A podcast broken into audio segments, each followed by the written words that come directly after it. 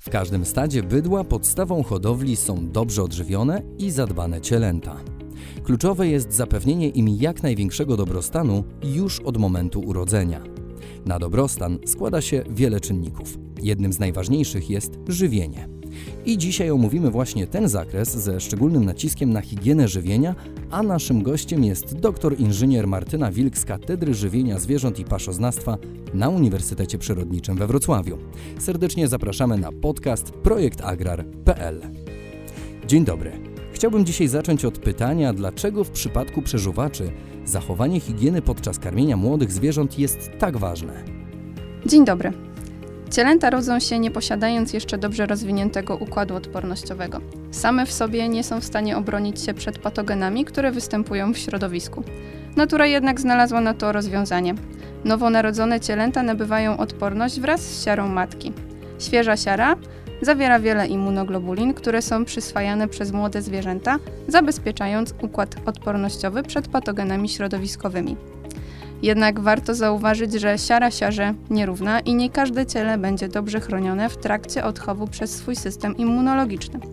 Dlatego tak ważna jest higiena żywienia. To jeden z aspektów, który mocno wpływa na dobry rozwój zwierząt. Zaniedbany może prowadzić do częstszych biegunek, kokcydios, następstwem tego są gorsze przyrosty, a w skrajnych wypadkach nawet upadki cieląt. To jak w takim wypadku dbać o higienę żywienia? Od czego powinniśmy zacząć? Najważniejszą rzeczą w tym temacie jest higiena sprzętu, który stosuje się podczas karmienia. Dajmy na to mleko i preparaty mleko-zastępcze to przecież idealne źródło pożywienia dla naszych zwierząt, ale również dla bakterii i innych patogenów. Wiadra, smoczki czy butelki nie należą do sprzętu, który łatwo się myje, szczególnie jeśli mówimy tu o karmieniu mlekiem lub preparatem mleko-zastępczym. Na tym sprzęcie pozostaje białko, cukry, dużo tłuszczu. Ciężko pozbyć się tych składników odżywczych, myjąc je tylko i wyłącznie ciepłą wodą. Niestety to bardzo częsta praktyka na gospodarstwach. Oszczędności czasu i pieniędzy szuka się wszędzie, nawet w użyciu odpowiednich detergentów do mycia.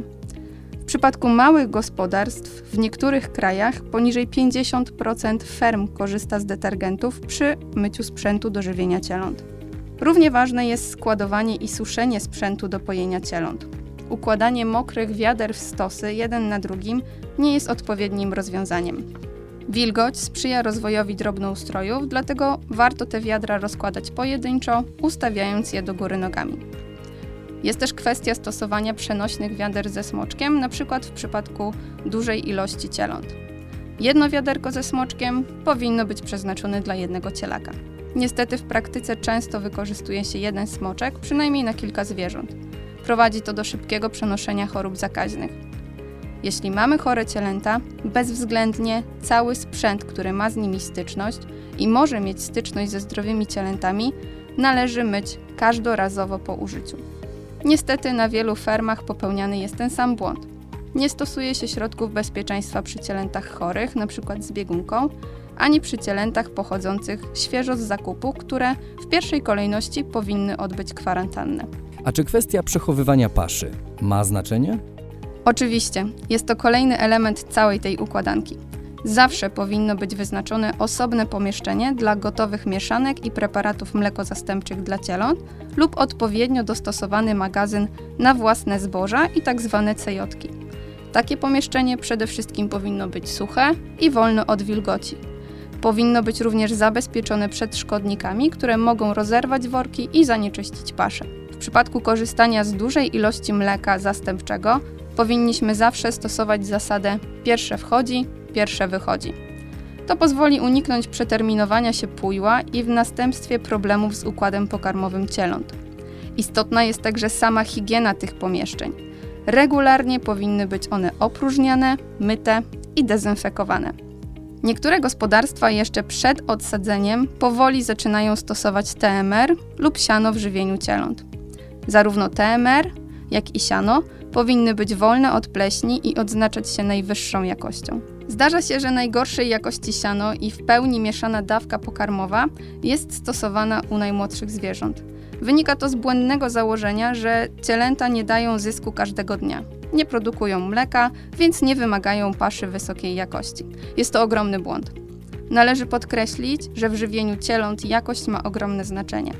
Pokarm stosowany u najmłodszych powinien być zawsze świeży i cechować się dobrymi parametrami. Tylko tak uzyskamy zdrowe, silne krowy, które będą w stanie dać tysiące litrów mleka. Tutaj nie ma miejsca na oszczędności. Mhm. Na co jeszcze powinniśmy zwracać uwagę? Obracamy się w tematyce produkcji zwierzęcej, ale nie możemy zapominać o czynniku ludzkim. Higiena personelu to ważny element tego zagadnienia. Stosowanie jednorazowych rękawiczek, mycie i dezynfekowanie rąk przed rozrabianiem preparatu mleko zastępczego, używanie mat dezynfekcyjnych tam, gdzie się da. Należy również ograniczyć rotację pracowników. Należy wyznaczyć pracowników zajmujących się tylko i wyłącznie najmłodszymi cielętami do czasu odsadzania. Takie postępowanie po pierwsze ogranicza stres u zwierząt, po drugie ogranicza obieg groźnych drobnoustrojów w gospodarstwie. Warto jeszcze wspomnieć o higienie wody. Woda na gospodarstwie powinna być zawsze sprawdzana pod kątem ilości drobnoustrojów, które się w niej znajdują. Mam nadzieję, że nie muszę wspominać o tym, że czysta woda powinna być dostarczana cielętom już od pierwszego dnia życia. Jeśli na przykład cielęta utrzymywane są na zewnątrz, w budkach i wodę dostarcza się im w wiadrach, musi być ona często wymieniana, szczególnie w okresie letnim. No dobrze, skoro mamy omówioną higienę żywienia cieląt, to czym najlepiej je żywić? Na jakie produkty warto postawić?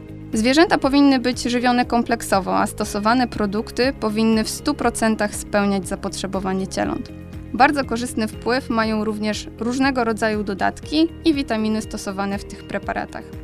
Wraz z preparatem mleko zastępczym Josera Igluvital można stosować mieszankę paszową Josera Calf Star, przeznaczoną do intensywnego odchowu jałówek mlecznych. Umożliwi to zintensyfikowanie efektów odchowu już w pierwszym miesiącu życia. Igluvital zawiera wyselekcjonowane surowce o najwyższej strawności oraz probiotyki i prebiotyki wspierające rozwój prawidłowej mikroflory jelitowej. Preparat ten gwarantuje dostarczanie optymalnych ilości substancji odżywczych w pierwszych tygodniach życia oraz rozwój stabilnego systemu odpornościowego. Z kolei Calfstar wspiera szybki, prawidłowy rozwój żwacza, a w konsekwencji także szybsze przejście z pasz płynnych na pasze stałe.